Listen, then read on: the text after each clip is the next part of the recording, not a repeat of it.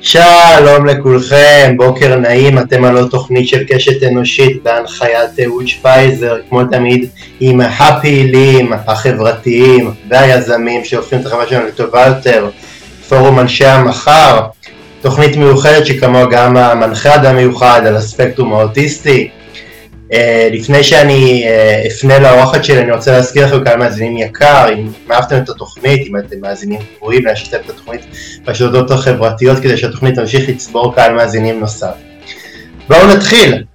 הבחירות לרשויות המקומיות הן הזדמנות פז עבור uh, מובילי ומובילות המחאה, המחאה נגד הרפורמה להריץ משורותיה נציג למועצת העיר שיוביל משם את המאבק נגד ממשלת ישראל החיים בצד הרצון להוביל קו תקיף, אותה אה, מנהיגים שהובילו באומץ לב את המחאה נגד הממשלה, גם לנסח סדר יום חברתי ולקדם אותו מתוך המועצות העירוניות.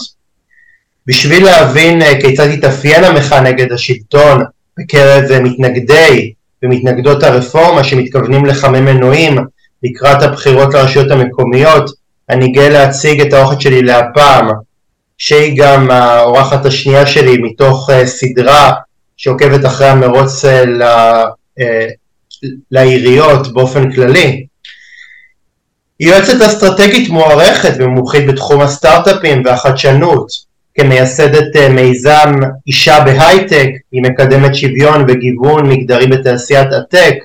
מומחיותה בתחומי עתיד שוק העבודה, אסטרטגיית שיווק ויצירת תוכן, אה, סטארט-אפים ויזמות העניקה לה מוניטין של דוברת ומרצה מבוקשת בהווה ובעבר, אה, הייתה כתבת הייטק בכירה בדה מרקר, בזכות הישגיה המרשימים היא נבחרה לרשימת Under 30 של פורבס והופיעה ברשימת 100 האנשים המשפיעים ביותר בהייטק הישראלי של גיק טיים. היא השפיט ג'ט שיביטי אה, ביום ומהנדסת אה, פורמטים בלילה עם תשוקה לטכנולוגיה וחדשנות בתחום ה-AI וכיום היא מובילת אה, מחאת ההייטקיסטים ומתמודדת למועצת עיריית תל אביב מטעם רשימה נקראת חוזה חדש שזה דרך אגב גם המקום למסור דש לדייוויד איסטניק החמוד שהתראיין אצלי. והיא שואפת להביא לאיחוד כוחות של הרשימות הליברליות. אה, לרשויות המקומיות ברחבי הארץ. האורחת שלי היא ענבל אורפז, שלום ענבל. שלום מאוד, איזה הקדמה, אני מתרגשת. כבוד גדול להיות פה. תודה רבה, מה שלומך? בסדר גמור, ימים עמוסים. אז אה, ענבל, אה, בואי ככה נתחיל למעשה מהסוף. הרי, הרי את ההקדמה היפה אנחנו כבר יודעים, את באמת אשת הייטק שבאמת אה, מקדמת אה, שוויון אה, לנשים,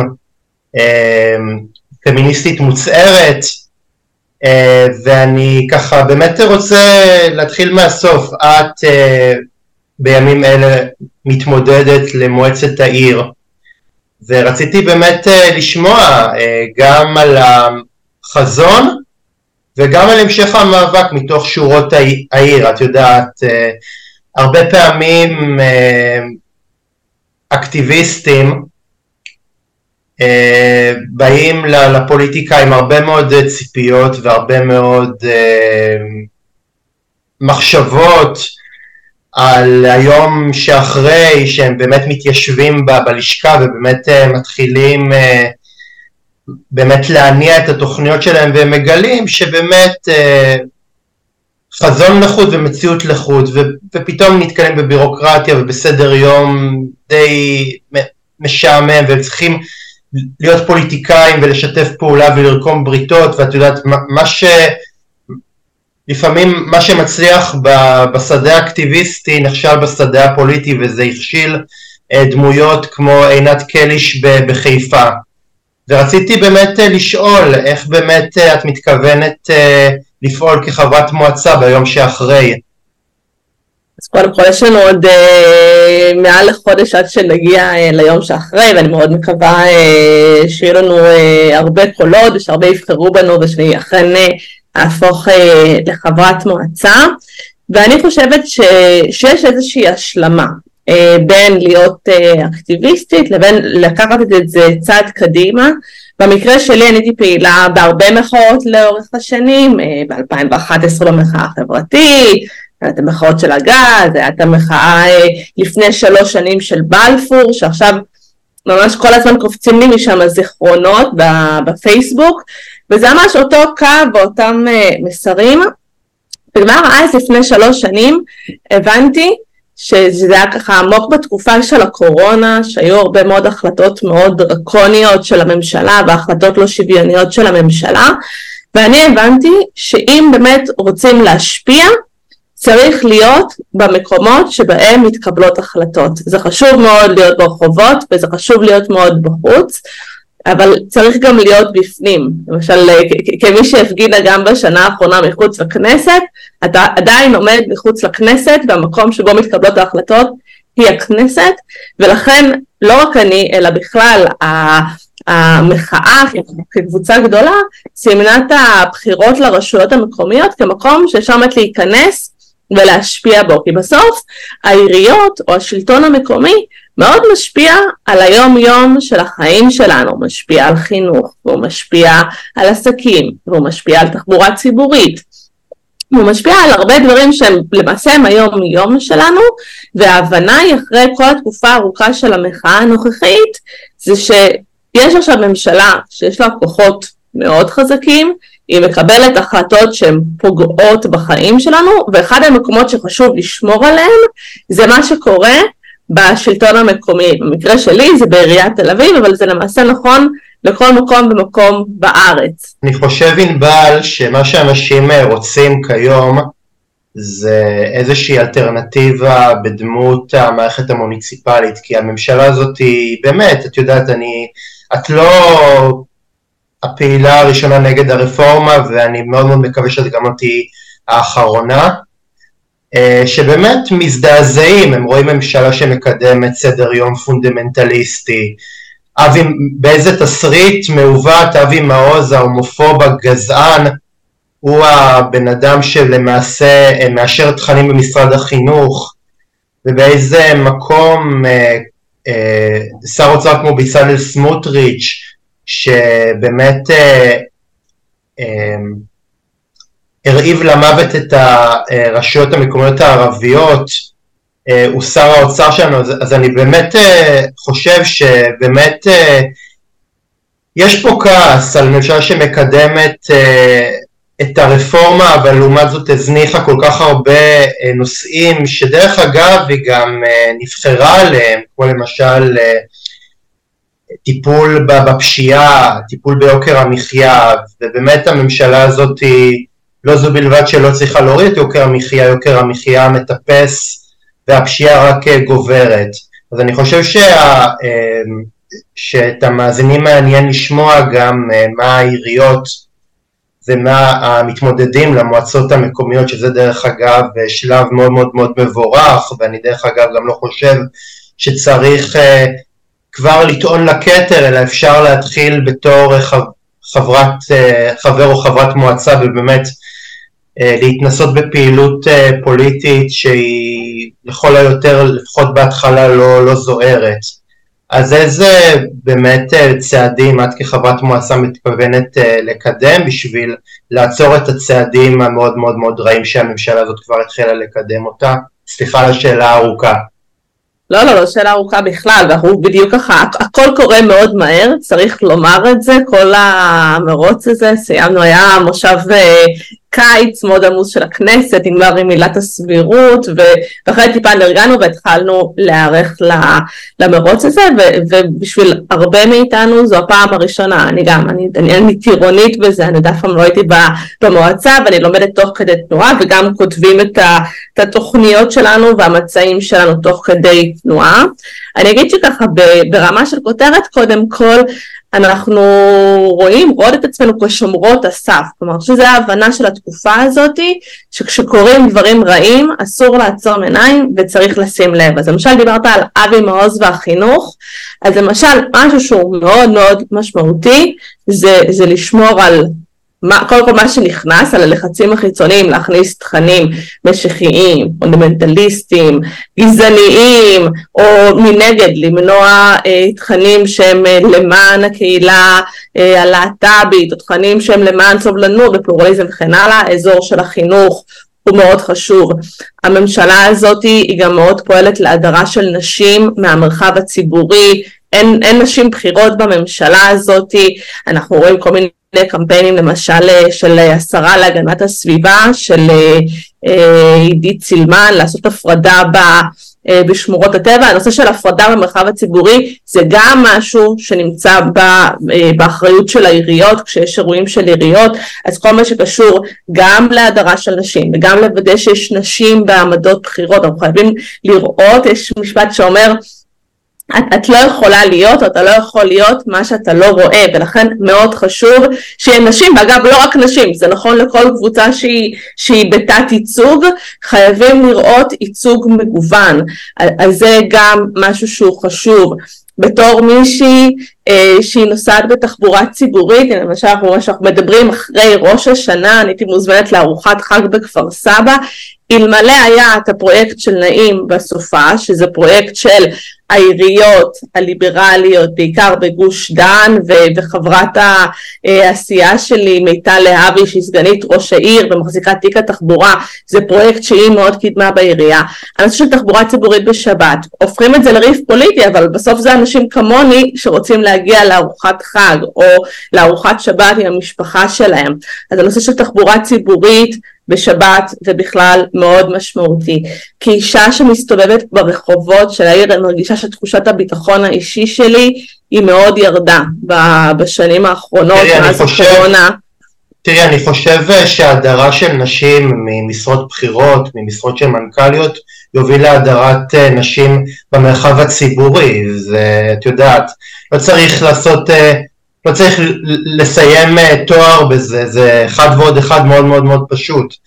ברגע שאתה רואה שאנשים אה, מודרות ממוקדי קבלת ההחלטות זה מאוד מוריד וזה מאוד מאוד מאוד מקטין את קרנה של הקהילה אה, הפמיניסטית והנשית כאן בארץ ואת יודעת הגינויים האלה הם לא, הם לא מקריים, הם לא צמחו יש מאין, זה מקבל תוקף מוסרים מהממשלה, נכון, יש בממשלה הזאת אה, שרים וחברי כנסת שמבחינתם אישה היא רחם, והם לא חושבים שנשים צריכות להיות למשל בכל מיני תפקידים בצבא, או בכלל בכל מיני תפקידים, וחושבים שצריכות להיות בבית ולגדל ילדים, וזה לא, אתה יודע, נשים נאבקות עשרות שנים, באמת בחלק מהמדינות כבר מעל למאה שנה, זה, אנחנו כנשים, אנחנו יודעות שהזכויות שלנו הן לא מובנות מאליהן. אפילו נגיד זכות ההצבעה ברוב המדינות זה, זה תופעה של המאה השנים האחרונות, זה לא בחלק אפילו רק כמה עשרות שנים, אז אנחנו יודעות מה זה ש, שאין זכויות,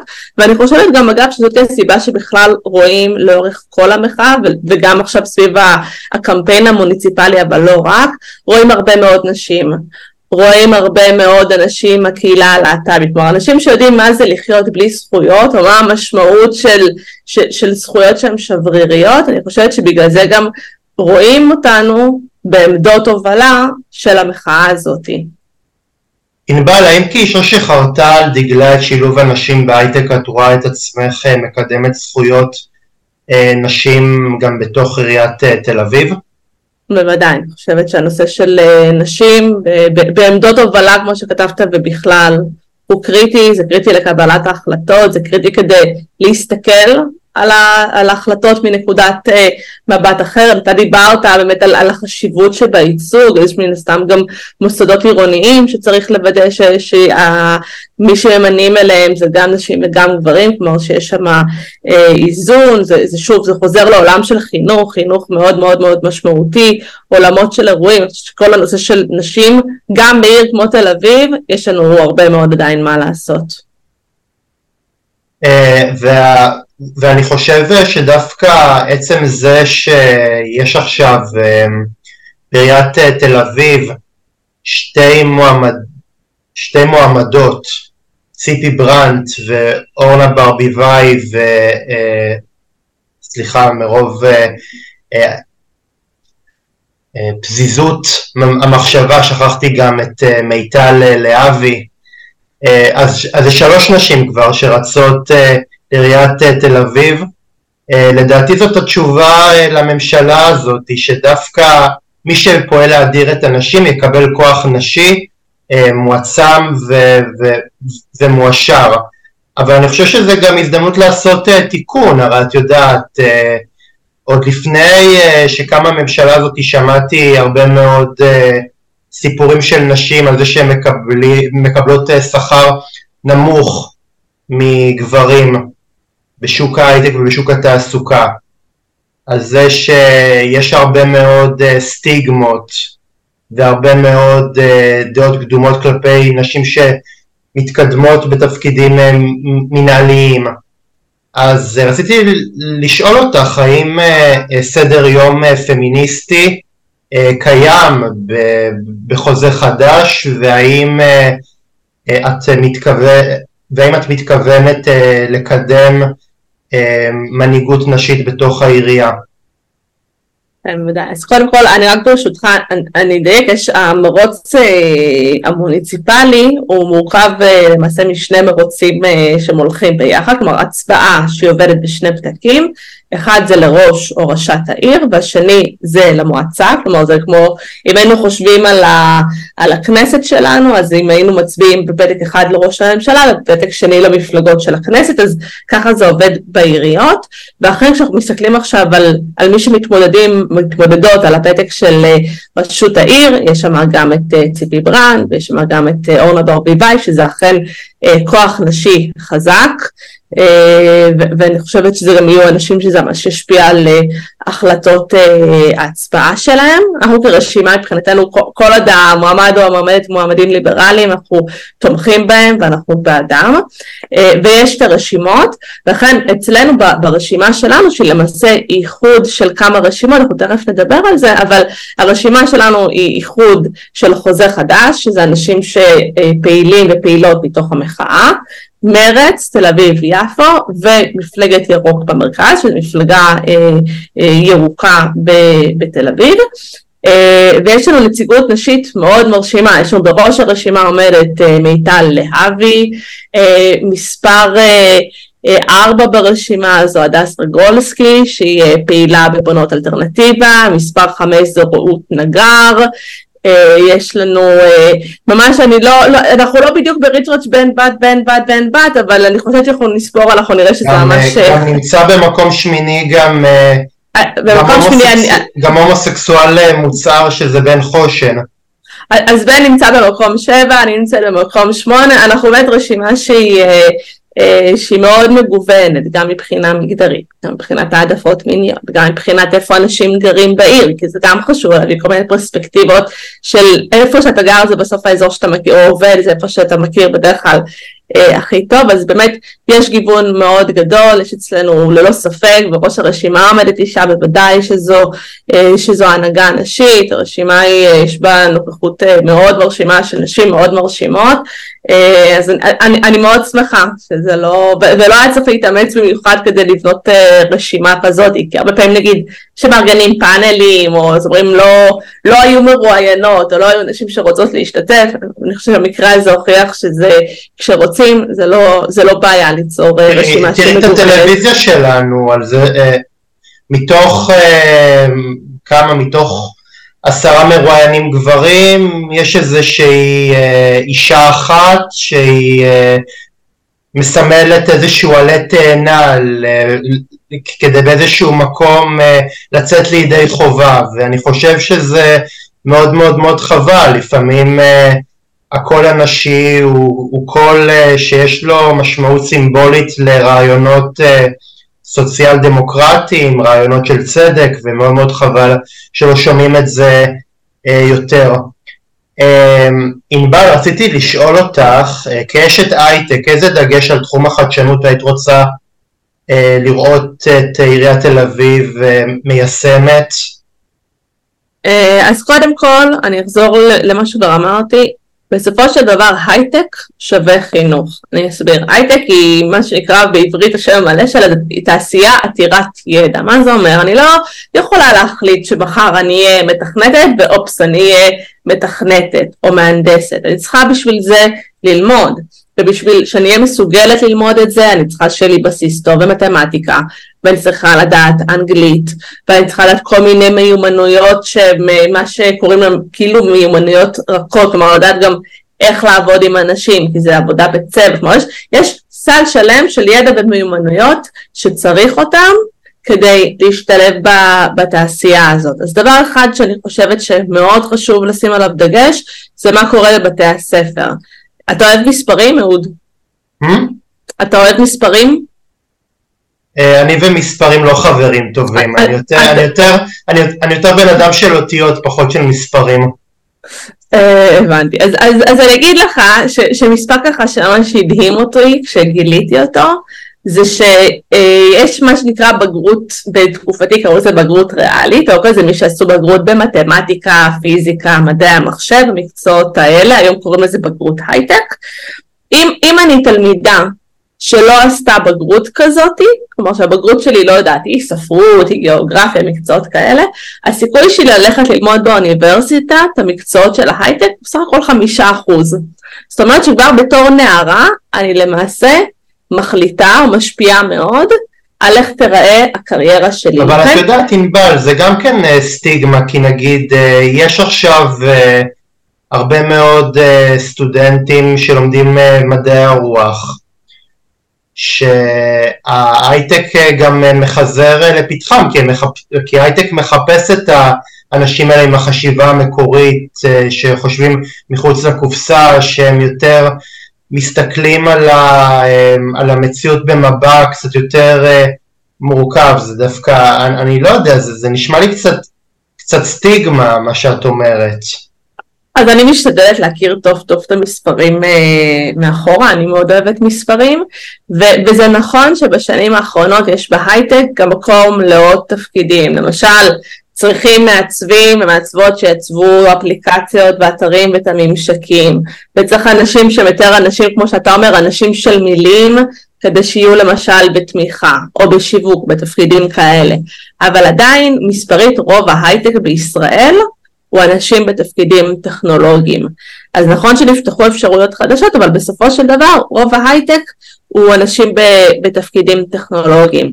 אז אם אני אחזור לשאלה שלך, איך אפשר באמת ככה ברמת העירייה לעזור לה, להייטק, אז קודם כל בשביל הטווח הארוך, בשביל מה שאתה יודע, לדור העתיד, צריך שיהיה בסיס מאוד טוב בחינוך. זה אזור אחד. אזור שני, תל אביב היא מרכז תעסוקה לא רק לאנשים שגרים בתל אביב, כלומר אנשים באים מכל מיני מקומות בכל, בכל הארץ או בכל גוש דן כדי לעבוד בחברות הייטק בתל אביב.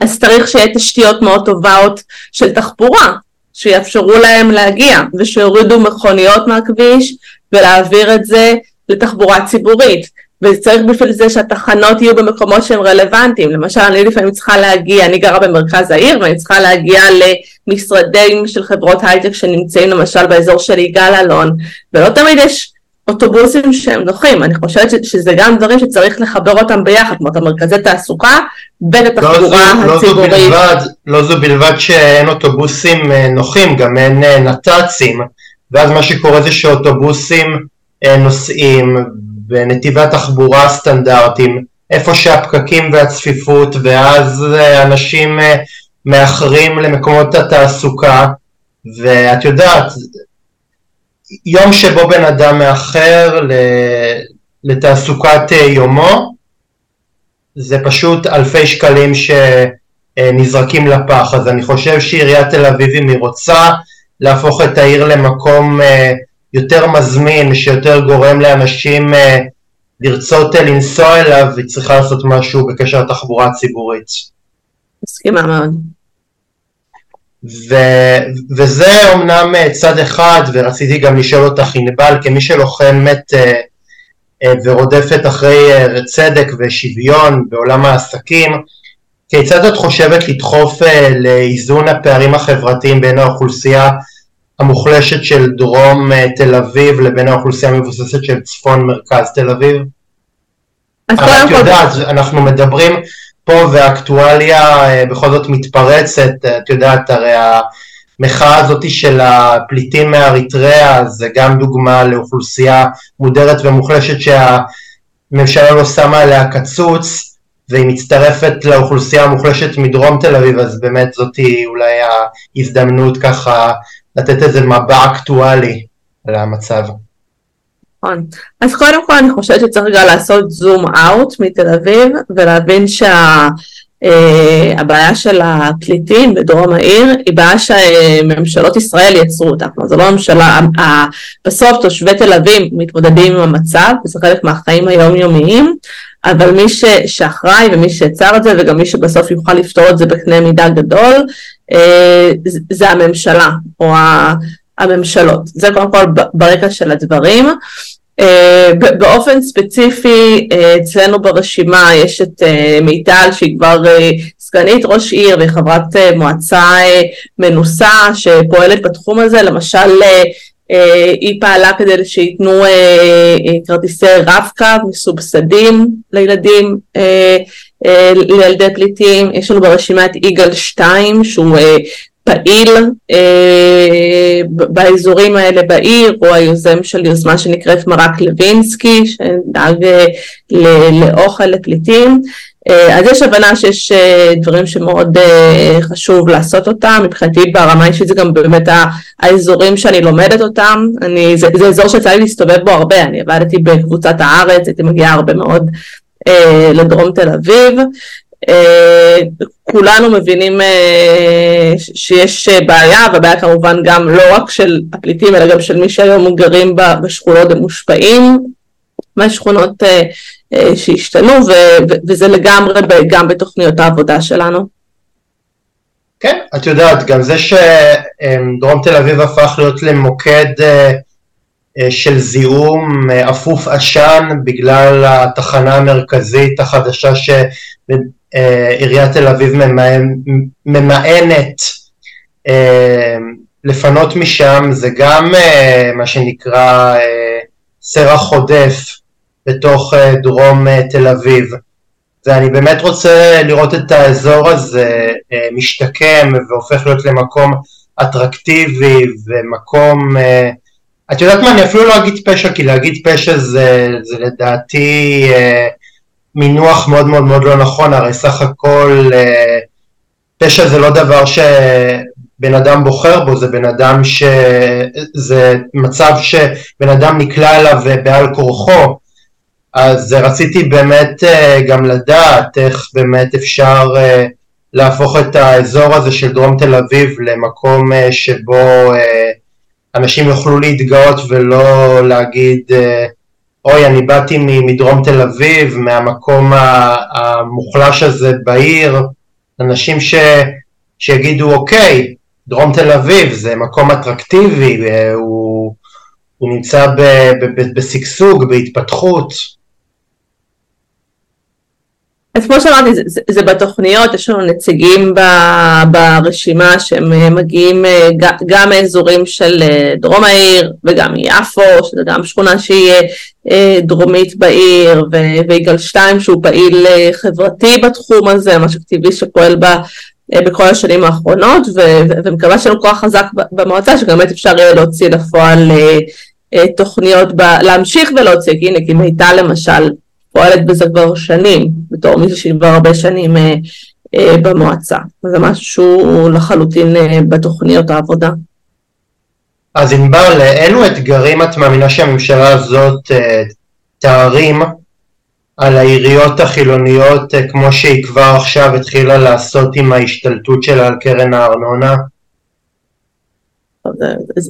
יש אירועים שכבר אפשר לדעת לאן הכיוונים האלה הולכים, למשל בימים האחרונים יש אה, ויכוח מאוד גדול על אה, אירוע שהתקיים או לא התקיים אה, ביום כיפור בכיכר דיזינגוף, שאלות של, של הפרדה במרחב הציבורי וכמה הממשלה תפעל כדי לאפשר את זה, כניסה של תכנים למערכת החינוך, יש את הוויכוח המאוד גדול עכשיו על מה הולך לקרות עם הרכבת הקלה שהשיקו אותה לפני כמה שבועות והיא לא נוסעת בשבת.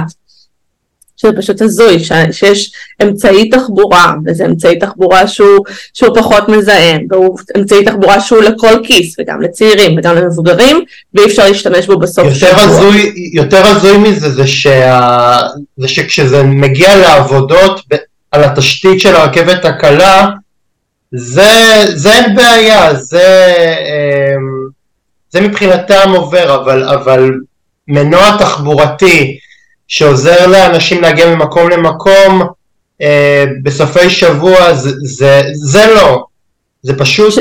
זה פשוט אטימות שפשוט במקרה הזה פשוט גובלת ברוע לב, אין, אין מילה אחרת להגיד את זה. וצריך לומר, אני חושבת, הנושא של תחבורה ציבורית הוא מאוד קרוב לליבי, ו- ו- ואני יודעת גם מה זה אומר העבודות על התשתית. אני גרה ממש על רחוב אה, אבן גבירול וסובלת את, ה- את העבודות ואת החפירות, ובלילות לפעמים שה- שהחלונות רועדים, אבל יש את ההבנה שצריך את התשתית של התחבורה הציבורית, כי אין ברירה. זה הדבר הנכון גם כלכלית, גם חברתית וגם סביבתית, כי כל הפתרונות האחרים הם גם מוסיפים מכוניות על הכבישים, הם גם מזהמים, הם גם יקרים, לא כל אחד יכול או רוצה או רוצה להחזיק רכב, זה משהו שהוא יקר, לא לכולם יש רישיון, יש לנו אוכלוסיות שהם, שאין להם בכלל את האפשרות לנהוג, אם זה חבר'ה שהם צעירים, לא יודעת, תיכוניסטים, אם זה חבר'ה שהם בצד השני שהם אה, מבוגרים וכבר לא נוהגים, אנשים אחרים שאין להם רישיון, גם זה ממש... גם יש אנשים שמסיבות אידיאולוגיות לא מחזיקים רכב, דרך אגב.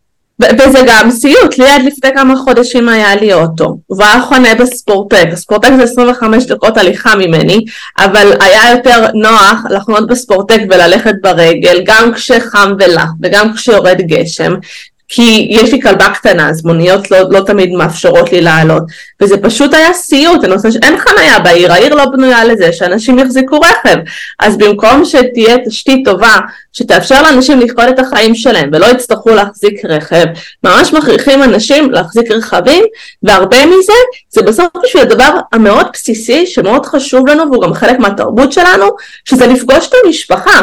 ישראלים הם אנשים מאוד משפחתיים, זה לא ארצות הברית שנפגשים, לא יודעת, פעמיים בשנה בחגים וזהו. לא, משפחות ישראליות נפגשות יחסית מאוד הרבה, וצ... ו- וצריך שתהיה אפשרות, שתהיה אפשרות פשוט לנסוע ולפגוש את ההורים, או לא משנה, את המשפחה בסוף שבוע, ו, ו, וזה שאין תחבורה ציבורית זה כמו שאתה אומר זה רוע לב וזה אטימות ו, ו, וזה שגוי מכל בחינה זה, זה שגוי שאין תחבורה ציבורית בשבת. דווקא, דווקא אתה יודע דווקא האבסורד הוא שדווקא החברה החרדית החברה שהכי דוגלת בערכי המשפחה ובערכי ה, מה שנקרא ההתכנסות של המשפחה זו דווקא החברה ש, שמונעת תחבורה ציבורית אה, בשבת מה, מהמניעים הכי, הכי שגויים. אני זוכרת שלפני, אני חושבת זה היה הסבב בחירות הראשון, אבל אל תתפוס אותי במילה כי כבר הכל מתערבב, אז הייתי בחוג בית עם מורלי לוי אבוקסיס, שאני לא יכולה לזכור באיזה מפלגה היא אה, התמודדה אז, אבל כנראה זו הייתה מפלגה יותר ליברלית, אתה זוכר? האישה הזאת עברה כל כך הרבה פלטפורמות פוליטיות שאני באמת כבר לא זוכר, אבל נראה לי שזה היה גשר. אני באמת, אני לא מצליחה להיזכר, אבל ממש נחרט לי בזיכרון שבחוג בית הזה היא דיברה שבתור מישהי שהיא באה מהפריפריה, דווקא היא מבינה כמה חשוב שתהיה תחבורה ציבורית בשבת. כי בסופו של דבר מי שנפגע זה לא אנשים עשירים שמחזיקים מכוניות, אלא מי שנפגע זה, זה דווקא אנשים בפריפריה, ודווקא אנשים עם משפחות פחות מבוססות, ודווקא, ו, ושבסוף גם במשפחות הדתיות, הרבה פעמים יהיה ילד או ילדה שהם לא שומרים שבת וזה בסדר והם רוצים לבוא, אבל אין להם את האפשרות, אז אני מסכימה איתך, זה באמת, זה, זה אני חושבת שמי שבאמת מאמין בערכים של משפחתיות, הוא צריך להבין ש, שתחבורה ציבורית בשבת זה משהו שהוא חובה. ובכלל תחבורה ציבורית יותר טובה בישראל. ישראל היא מדינה מאוד קטנה, מאוד צפופה, אין סיבה שלא תהיה פה תחבורה ציבורית מאוד טובה, שאפשר יהיה להגיע בקלות ובמהירות מכל מקום לכל מקום. עצם, עצם זה שהשנה היא 2023 ורק עכשיו יש מטרו בגוש דן, זה נראה לי, זה נראה לי פשוט איוולת. הרי, הרי את יודעת, כל השנים האלה ראשי העיר של גוש דן ראו את אזור המרכז הולך ונהיה יותר צפוף, הולך ומשווע ליותר תשתיות טובות. וזה נראה, וזה נראה לי אבסורד שרק עכשיו אה, אה, יש אה, מטרו בגוש דן וזה רק מטרו אחד, מתוכנ... מתוכננים עוד ארבעה קווי רכבת תחתית לפחות ורק אחד נפתח, באיחור של, באיחור של שנה מה, מהמועד המקורי, אז נראה לי בכלל איוולת. אין, אין, אין, אין לי מילה אחרת להגדיר את, ה, את מצב התחבורה כאן בארץ מאשר איוולת. מתעדפים נכון, רכבים, מתעדפים רכבים פרטיים שהם אה, לצערי הרב אה, גורמים להרבה יותר זיהום ולהרבה יותר אה, שעות עומס ופקקי תנועה ולעומת זאת מנוע שהוא הרבה יותר זמין והרבה יותר ידידותי לסביבה אותו, אותו דוחקים לתחתית סדר העדיפויות למה? אני חושבת שזה חוזר קצת לתחילת השיחה שלנו ולחשיבות של מי נמצא או מי נמצאים במוקדי קבלת ההחלטות. כי אם אתה מסתכל למשל על הממשלה, שהם מקבלים את רוב ההחלטות שקשורות לתחבורה ציבורית, תכף נסייג את זה, אבל הם מקבלים את רוב ההחלטות. זה אנשים שיש להם רכב צמוד, עם נהג צמוד, אני בספק אם מישהו מהם נסע ב... לא יודעת, בחמש שנים האחרונות בתחבורה ציבורית, אז הם פשוט לא רואים את זה, וכשאתה לא רואה משהו ולא מבין את הכאב, איך אתה יכול לפעול כדי לפתור אותו? זה לא, זה באמת, זה, זה לא קרוב לחיים שלהם, ואני חושבת מבחינתי זו סיבה מאוד חשובה להיכנס למוקדי קבלת החלטות ולהביא לשם עוד פרספקטיבות ועוד הבנות. בהולנד, ראש, בהולנד אה, ראש הממשלה נוסע לישיבות אה, קבינט ב, ב, ב, באופניים איפה בישראל זה... אי אפשר לדמיין את זה אפילו, בישראל אני לא יכולה לדמיין אפילו שזה יקרה.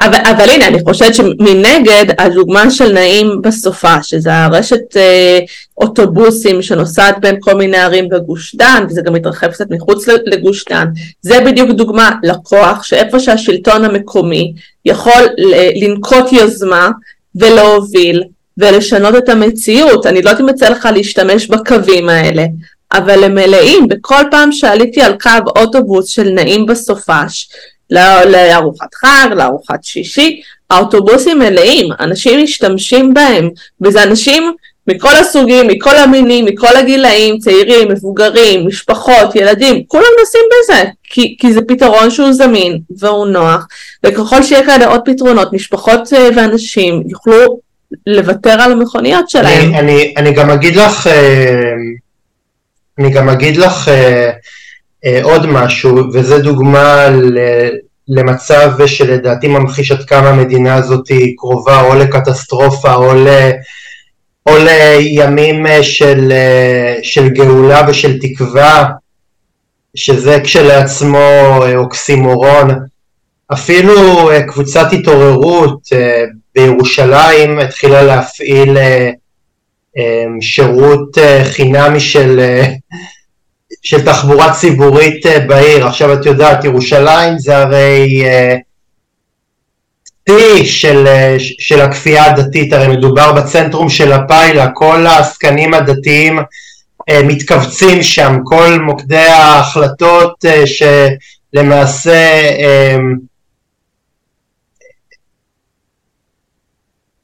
רוכשות בזירה הציבורית ומפעילות את ההדתה ואת הכפייה הדתית אה, בארץ, הן פועלות משם. אז את יודעת, זה נראה לי מדהים שבמקומות כאלה אה, יש אה, תשתית שמפעילה קו של תחבורה ציבורית בשבת. ומעולה, וכן ירבו, כי ירושלים היא באמת, אה, בוא נגיד, היא לא תל אביב, מכל בחינה, למשל בתל אביב זה לא בעיה יחסית למצוא בית קפה או מסעדה שפתוחים בשבת, בירושלים זה עדיין עניין. אה, אבל אה, זה גם ירושלים באיזשהו מקום, היא מראה לנו קצת את הכיוון שישראל עלולה ללכת אליו, אם אנחנו עכשיו לא נתקן את המצב במדינה. אה, ענבל, אה, המשבר הכלכלי לא פוסח על ענף ההייטק והעיר שעלולה להיפגע מהתרסקות הענף היא תל אביב שנחשבת לעיר שבה מצויים עוגני מרכזי ההייטק בארץ. איך את מתכוונת אה, לנסות להציל את הענף שניצב בפני פגיעה ממשית מתוך מועצת העיר?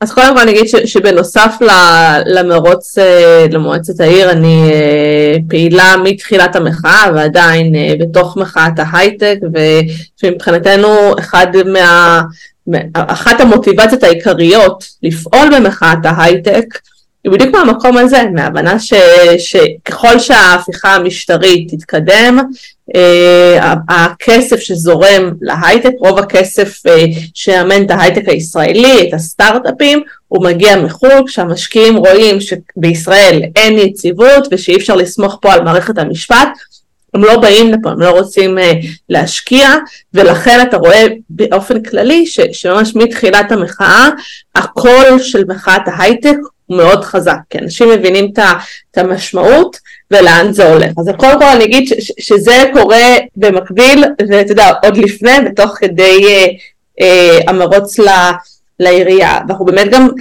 ככל שעובר הזמן, מנסים להבין טוב יותר מה, מה המשמעות של אה, של משבר כזה כדי גם להציע פתרונות. צריך להבין טוב את הבעיה כדי לתת לה פתרון. למשל, אה, יש בעיה שחברות חדשות נרשמות בחו"ל, הן לא נרשמות בישראל. יש בעיה ש, ש, ש, שעוד לא רואים את המספרים, זה יותר כזה תחושה של אנשים בשטח, כי לוקח זמן עד שיש נתונים, אבל שקמים פחות סטארט-אפים, שיש אווירה שפחות מועדדת לקחת אה, סיכון. אנשים שמחפשים עבודה, למשל, יספרו לך, ואת זה רואים טוב מאוד במספרים, זה שיש פחות משרות פנויות, כלומר כשאתה מחפש עבודה, אז יש פחות משרות אה, להתמודד עליהן ויש תחרות יותר גדולה אה, על כל משרה. אז, אז אנחנו עוברים מאוד מקרוב אחרי המספרים כדי להבין את המגמות וכדי להבין גם איזה פתרונות אה, יהיה צריך לזה. אה, צריך להבין שאם אנחנו באמת ניכנס לתקופה של משבר, ההשפעה לא תהיה רק על ההייטק, כלומר ניקח את תל אביב כמרכז תעסוקה, וזה נכון לכל מרכז תעסוקה של הייטק, אז יש לך את האנשים שעובדים בחברת הייטק. אבל מסביבם יש מעטפת של נותני שירותים שעובדים איתם, למשל עורכי דין, רואי חשבון, מסעדות, תחשוב אנשים יורדים בהפסקת צהריים לאכול בנגיד בשרונה, או מזמינים אוכל ממסעדות בוולט, אז יש מעגלים נוספים של נותני שירותים ושל זה, עסקים. זה מערך, זה מערך אה, אה, אפידמי, מספיק שענף אחד נפגע וכל הענפים נפגעים יחד איתו. נכון, אז, אז אני מקווה שאנחנו לא נגיע לקטסטרופה בקנה מידה הזה, אה, וכמובן ש, שאם זה יקרה צריך גם יהיה להציע לזה פתרונות, אבל כרגע הפתרון הכי גדול לזה הוא באמת לייצב את, את מה שקורה ב, במדינת ישראל ולעצור את ההפיכה, וברגע שנצליח לעשות את זה, אז אני מאמינה שגם ההייטק יתאושש. כלומר, המשבר של ההייטק הוא כפול, כי כשנכנסנו לתקופה הזאת כבר היה משבר כלכלי עולמי. שהשפיע על ההייטק, אז זה היה הזעזוע הראשון, ובנוסף לזה גם נוסף הזעזוע הפוליטי אה, המקומי. אה, אז זהו, אז אני מקווה ש, ש, שהמאבק לעצור את ההפיכה יצליח, כדי שבאמת אפשר יהיה לייצב מחדש את, ה, את הענף גם. כן.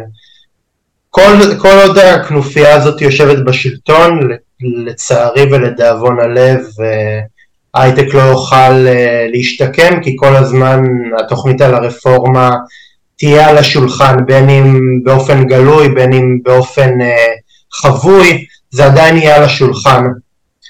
וענבל, אה, כיצד עובד הדיל הזה של חוזה חדש בנוגע לאיחוד הכוחות עם, הרש, עם הרשימות הליברליות שמתכוונות לרוץ לעירייה, וכיצד בפועל אפשר אה, לקדם איחוד שורות בתוך מחנה פוליטי שידע הכל חוץ מלהיות מאוחד? אה, אז אנחנו, כמו שכבר ציינתי, אנחנו התאחדנו שלוש רשימות, חוזה חדש, שזה אה, אנשי המחאה, פעילים ממש מכל הארגונים, יש לנו את אה, דייווי שאתה כבר פגשת וראיינת, שהוא המחאה של הכלכלנים, ואת הדס שהיא מבונות אלטרנטיבה.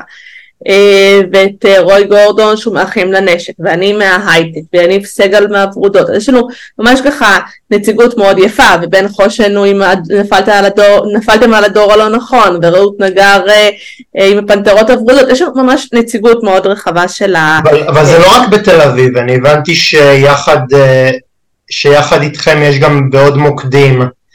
אז קודם כל, אז אני אדבר על תל אביב, כי זה מה שאני מכירה יותר טוב, ואז אתן איזושהי קצת תמונה יותר רחבה. אבל בתל אביב התאחדנו, אז, אז אנחנו אה, חוזה חדש, יחד עם מרץ תל אביב-יפו, שזו העשייה שבראשות מיטל להבי שם סגנית ראש העיר ומחזיקה את תיק התחבורה, וירוק במרכז שמוביל את הפרופסור נוח עפרון, שהוא פרופסור באוניברסיטת בר אילן, והוא מביא את הזווית הזאת, וזה באמת מתוך תפיסת עולם והבנה שמה שקרה בבחירות האחרונות לכנסת אסור שהוא יקרה שוב וחייבים אה, אה, לאחד כוחות. זה מה שקורה בתל אביב. אה, במקביל אה, חוזה חדש רצים בכ-30 מקומות אה, בישראל, שבחלק מהמקומות הריצה היא עצמאית ובחלק מהמקומות זה בכל מיני איחודים. האיחודים נראים אחרת בכל מקום. כי הצרכים שונים בכל מקום, אתה יודע, הזירה המקומית היא בסוף מאוד מאוד ייחודית לכל מקום ומקום ומה שקורה בו, אבל יש עוד מקומות שעשו את האיחוד כמו אצלנו, כלומר יחד עם מרץ והירוקים, יש מקומות גם עם אה, אה, יש עתיד, כחול לבן, כלומר יש כל מיני סוגים של מיזוגים, ובכלל השבוע, ממש בשבוע שאנחנו מדברים, נסגרות הרשימות, כלומר כל הרשימות בישראל יגישו אה, לוועדת הבחירות למשרד הפנים את רשימות המועמדים שלהם ועד הרגע שזה יקרה יש מאמצים מאוד גדולים בכל מקום לפעול למען ייחודים כדי שלא יהיה פיצול ובזבוז של קולות. את יודעת ענבל מכל מקום אני שומע את המשפט אה, היינו מנומנמים, ישנו ועכשיו התעוררנו ולא יצליחו להרדים אותנו יותר. אז את חושבת uh, כפרפרזה שזה משהו שמאפיין את הריצה הזאתי למועצת העיר, שבאמת איחוד uh, של מפלגות שמאל זה משהו שאולי מהווה איזשהו תקדים לקראת הבחירות הכלליות, שאם אני, אני מעריך בהערכה מאוד מאוד מאוד זהירה, הממשלה הזאת לא תחזיק מעמד והיא עוד מעט תיפול, ו, ו, ובקרוב אנחנו נראה ריצה משותפת של המפלגות הליברליות אה, יחד. אז קודם כל אני חושבת בוודאות מה שאפשר לומר זה שהאיחודים שרואים הם לקח מהבחירות הארציות והבנה שאסור ש, שזה יקרה שוב. ואני חושבת גם שבאמת ההבנה זה ש, שהתעוררנו כמו שאתה אומר וגם אנחנו צועקים את זה בהפגנות נכון? יש את האמירה של בוקר טוב סוף סוף התעוררנו אני חושבת שבאמת יש תחושה אמיתית שכמחנה דמוקרטי ליברלי יש התעוררות מאוד גדולה. יש המון אנשים שהם שבוע אחרי שבוע אחרי שבוע כבר שלושים ו... לא זוכרת אפילו מבית הספירה שבעה או שמונה או תשעה שבועות, יוצאים שבוע אחרי שבוע אחרי שבוע, מפגינים והרבה פעמים יותר מפעם אחת. אז יש באמת התעוררות שהיא מאוד גדולה. אני יכולה לומר לך שברמה האישית שלי, אם היית שואל אותי אם יש לי אי פעם תוכניות לרוץ למועצת uh, העיר תל אביב, בחיים לא העליתי את זה על דעתי, אבל זה באמת הבנה שזה צורך השעה, שקורים דברים, וגם בתל אביב שהיא העיר הכי גדולה, הכי ליברלית בישראל, חייבים להיות על המשמר, חייבים להיות שומרות סף שבודקות ומוודאות שהכוחות השליליים שפועלים עכשיו בישראל לא משפיעים עליה. אז אני חושבת שבאמת ההתעוררות הזאת היא, היא אמיתית, אני חושבת שהשאלה היותר ארוכת טווח תהיה איך משמרים את זה גם ביום שאחרי המחאה. כי כמו שאתה אומר, הממשלה הזאת היא בסוף מתישהו, אנחנו לא יודעים אם זה יהיה בשנה הקרובה או בעוד שלוש שנים כשהיא תסיים, בסוף הממשלה הזאת... עושה רעשים של חריקות. בוא נגיד את זה אה, ככה. אה, אני לא, הנבואה ניתנה לשוטים, אני לא יודעת, אתה יודע כמה זמן תחזיק הממשלה הזאתי, אבל היא לא תהיה לנצח, ואת המחנה הזה שהתעורר, נהיה חייבים להמשיך אה, לפעול ולהבין איך אנחנו פועלים ביחד ודואגים לאינטרסים שלנו ואני חושבת שזו השאלה הגדולה והבחירות המוניציפליות זה באמת ככה הזדמנות לתרגל את זה ולראות באמת איך זה עובד, איך אנחנו עושים את זה, איך משתפים פעולה, איך מאחדים כוחות, אני חושבת שזו הזדמנות ככה להתנסות בהרבה מאוד דברים כמחנה. ענבל, כיצד אה, אה, צריך להיראות המאבק בממשלה תוך כדי ניהול קמפיין הבחירות עכשיו כשאת מתמודדת למועצת העיר? אז קודם כל, כמו שאתה יודע, כמי שניסה בימים האחרונים אה, לתאב איתי אה, את השיחה הזאת, הימים מאוד מאוד עמוסים, באמת, כי, כן. כי הדברים קורים גם וגם וגם. למשל, אתמול אחרי הצהריים... העיקר הייתי... שבסוף, שבסוף uh, תיאמנו, והנה, אנחנו יושבים ומשוחחים, אז... נכון, נכון, לא, זה היה לי מאוד חשוב שנצליח לעשות את זה. אבל התקופה היא באמת מאוד עמוסה, למשל אתמול אחרי הצהריים, בבוקר או עד הצהריים עבדתי, כי צריך גם בסוף להתפרנס, למרות מה ש, שביבי וחבריו אומרים, האיראנים או אש"ף לא משלמים לנו, ו, וצריך גם להתפרנס בתקופה הזאת, וזה מאוד חשוב. אז עד הצהריים... מיני קשקושים, לא... אז עד הצהריים עבדתי על פרויקטים שלי, ואחרי הצהריים הלכתי למטה בחירות שלנו, לשבת עם מתנדבת, שאנחנו ביחד מתחילות לעבוד ככה להבין איך נראה המצב ולקדם דברים באזורים האלה.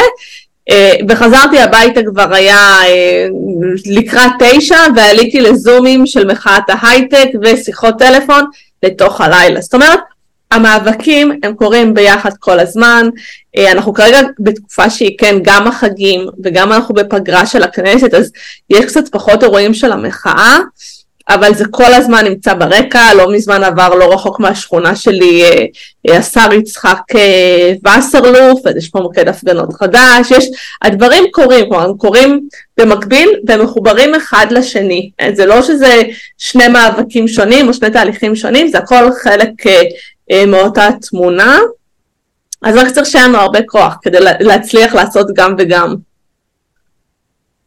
ענבל, לקראת סיום, כיצד לדעתך מובילי המחאה נגד הרפורמה צריכים להתנהל עכשיו כשהבחירות לרשויות המוניציפליות נמצאות על הפרק? אז אני חושבת שכבר נגענו ברוב הדברים. קודם כל חשוב, לי, הצעד הראשון זה שאנחנו המועמדים והמועמדות הצענו את עצמנו וקפצנו למים ואנחנו נכנסנו ל, לרשימות ומתמודדים ומתמודדות בבחירות. זה, זה היה השלב הראשון, אני יכולה לספר לך שאני ככה נואמת בהפגנות בכל הארץ, כל מקום שהגעתי בשבועות האחרונים, האמירה הייתה צריך להיות שם עצור, תתמודדו, אי אפשר לוותר על המקומות האלה, זה אולי לא נוח, זה לא כיף, אבל חייבים להיות שם, זה היה הצעד הראשון.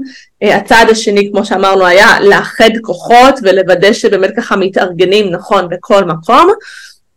והשלב האחרון יהיה שצריך יהיה לצאת ולהצביע.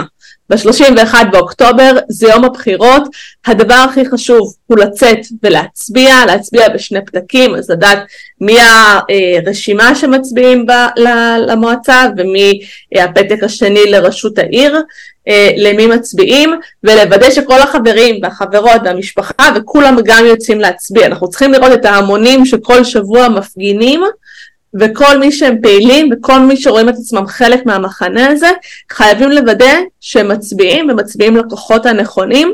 כי אגב, כמו שאנחנו אה, פועלים כדי אה, להגביר את הכוח שלנו, גם יש כוחות, כמו למשל עוצמה יהודית במפלגת נועם, שהם גם פועלים וגם נמצאים ברשויות המקומיות וגם רוצים להתחזק, וחשוב מאוד מאוד, הדבר הכי חשוב יהיה לצאת ולהצביע בהמונים. אה, אני מבטיח לך שאני, אה, הבחירות האלה, אה, אצא, ואצביע ואני אפילו, זה משהו שאני בדרך כלל לא עושה כי אני במערכות הבחירות האחרונות לא הייתי מרוצה מההתנהלות של הפוליטיקאים אז, אז גם אם אני הייתי מצביע, יוצא להצביע אז אני כבר הייתי עושה את זה בחוסר חשק וגם אם מישהו היה אומר לי אני לא יוצא להצביע, הייתי אומר לו, אתה יודע מה, אני, אני לא יכול להתווכח איתך, אני, אתה צודק, גם אני הייתי אה, מתנהל באותו דפוס, לו הייתה לי פריבילגיה, אבל אני לא יכול, והפעם אני, לא זו בלבד שאני אצביע אה, בבחירות לעיריית תל אביב, אני אפילו אשכנע אנשים אה, לעשות אה, כמוני. מעולה, תודה רבה, ואני גם אגיד שאנחנו צריכים המון מתנדבים, בסוף באמת ליום הזה אנחנו מגייסים עכשיו המון מתנדבים, אז אם יש אנשים שמקשיבים וככה רוצים להיות חלק ביום בחירות, אה, אז אנחנו אה, מאוד נשמח, ואם זה בסדר אני אעביר דרכך את הלינק, ומי שרוצה אני, לבוא ולעזור. אני, אני, אני, אני, יש, לנו, יש לנו עוד הרבה שיחות לעשות אחרי, שנסי, אחרי שנסיים, אני גם אצביע ל, ל, למפלגה שתעלה על נס את... אה, את קידום האוכלוסיות עם הצרכים המיוחדים, כי זה מבחינתי משהו שלא מספיק מדברים עליו, ואני מאוד מאוד הייתי שמח אה, לראות כלפיו קצת יותר התייחסות. הוויתור, הוויתור, הזה, על, הוויתור הזה על קהילה של צרכים מיוחדים הוא ויתור לדעתי ממש ממש ממש לא נכון, כי הקהילה הזאת רק הולכת ו... ומשלישה את עצמה, אז אני חושב שצריך uh, לדבר על זה יותר.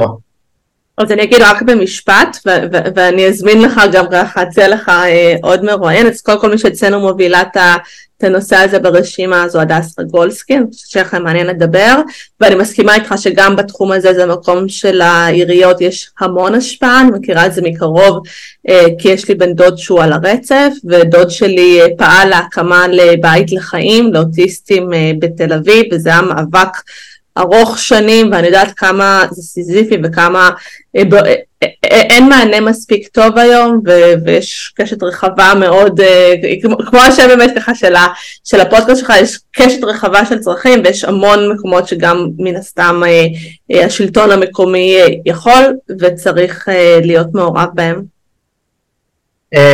ענבל, לסיום, איזה מסר משכנע יש לך לאנשים שמעדיפים בזמנים כאלה להישאר בבית. דווקא אולי כן בכל זאת לגייס מעצמם יוזמה ולהתפקד ולקחת חלק בעשייה הציבורית? אז לפני כמה משפטים אתה דיברת על זה שאין לך פריבילגיה לא להצביע, אני חושבת שאנחנו חיים בתקופה שאין לנו פריבילגיה לא להיות אה, פעילים ולא לפעול למען העתיד של המדינה, אני חושבת שכל מי שרואה או רואה את העתיד שלה פה במדינה הזאתי וחשוב לה שזאת תהיה מדינה ליברלית ומדינה מכילה ומדינה שוויונית, חייבים לקחת חלק במאבק. עכשיו, יש הרבה אנשים שלא אוהבים לצאת uh, להפגין, זה רועש, זה צפוף, זה... אני לגמרי מבינה את זה, אבל יש הרבה מאוד דרכים להיות uh, פעילים במחאה, למשל אני יכולה לספר שאנחנו בהייטקיסטים למשל, תמיד מחפשים מתנדבים בכל מיני דברים, אפילו ללכתוב הודעות בוואטסאפ, צריך לתפעל את הקבוצות, צריך... יש המון עשייה שכל הזמן צריך לעשות אותה, גם מי שלא רוצה או לא רוצה אה, לבוא אה, להפגין. ואני גם אגיד שזה ברמה האישית אני מרגישה שזה, כשאני יוצאת להפגין וכשאני פעילה, זה גורם לי להרגיש יותר טוב. זה נותן לי אנרגיות. אני פוגשת עוד אנשים שהם מרגישים כמוני וחושבים כמוני, וזה נותן לי כוח מהמקום של העשייה ומהמקום של הביחד, ואני מזמינה את כולם להצטרף. אני חושבת ש, ש, שיש המון צורות להשפיע על העתיד של המדינה, וכל אחד ואחת יכולים אה, למצוא את הדרך שנכונה להם. ענבר, אם הייתי יכול לזקק את המונח אופטימיות אה, במשפט אחד, הייתי, הייתי מצמיד לו ישר את השם שלך, באמת אופטימית חסרת תקנה, ואני רוצה לאחל לך בהצלחה ותודה רבה לכם. מאזינים ומאזינות, אני הייתי אהוד שפז ואתם הייתי על קשת אנושית. אם גם אתם רוצים לקחת חלק בפודקאסט שלי נצרו איתי קשר לטלפון שלי ו... וכמו כן גם למייל שלי. תודה רבה לכם, המשך שבוע טוב ולהתראות.